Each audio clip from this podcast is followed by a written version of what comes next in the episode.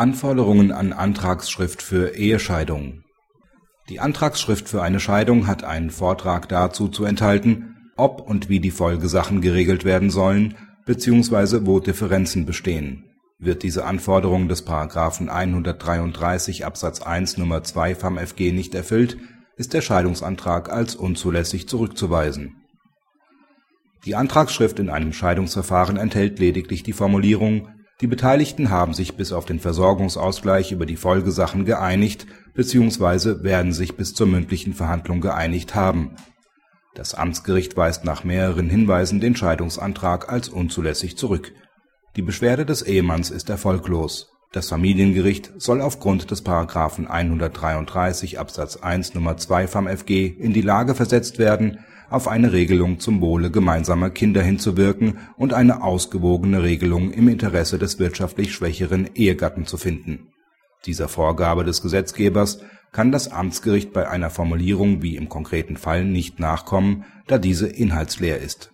Der Antrag ist unzulässig, da die Formvorschriften des § 133 Absatz 1 Nr. 2 FamFG als Zulässigkeitsvoraussetzungen zu werten sind. Praxishinweis die Neuregelung des § 133 Absatz 1 Nr. 2 FamFG ist im Interesse der beteiligten Ehegatten ernst zu nehmen.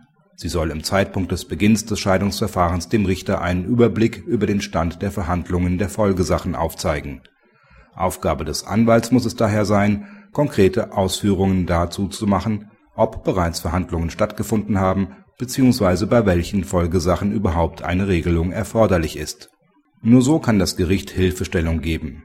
Wird § 133 Absatz 1 Nr. 2 FamFG nicht beachtet, führt dies außerdem dazu, dass bis zur Terminierung im Scheidungsverfahren und der damit verbundenen Zwei-Wochen-Frist gemäß § 137 Absatz 2 FamFG zur Einleitung von Folgesachen über die wahren Brennpunkte geschwiegen wird. Ebenso besteht die Gefahr, dass sich der Richter nicht veranlasst sieht, gemäß § 135 FamFG die Ehegatten zur Teilnahme an einem Informationsgespräch über die außergerichtlichen Möglichkeiten der Streitbeilegung anzuordnen. § 133 Absatz 1 Nr. 2 FamFG soll nach den Gesetzesmaterialien gerade auch den Eheleuten die Bedeutung der offenen Fragen deutlich machen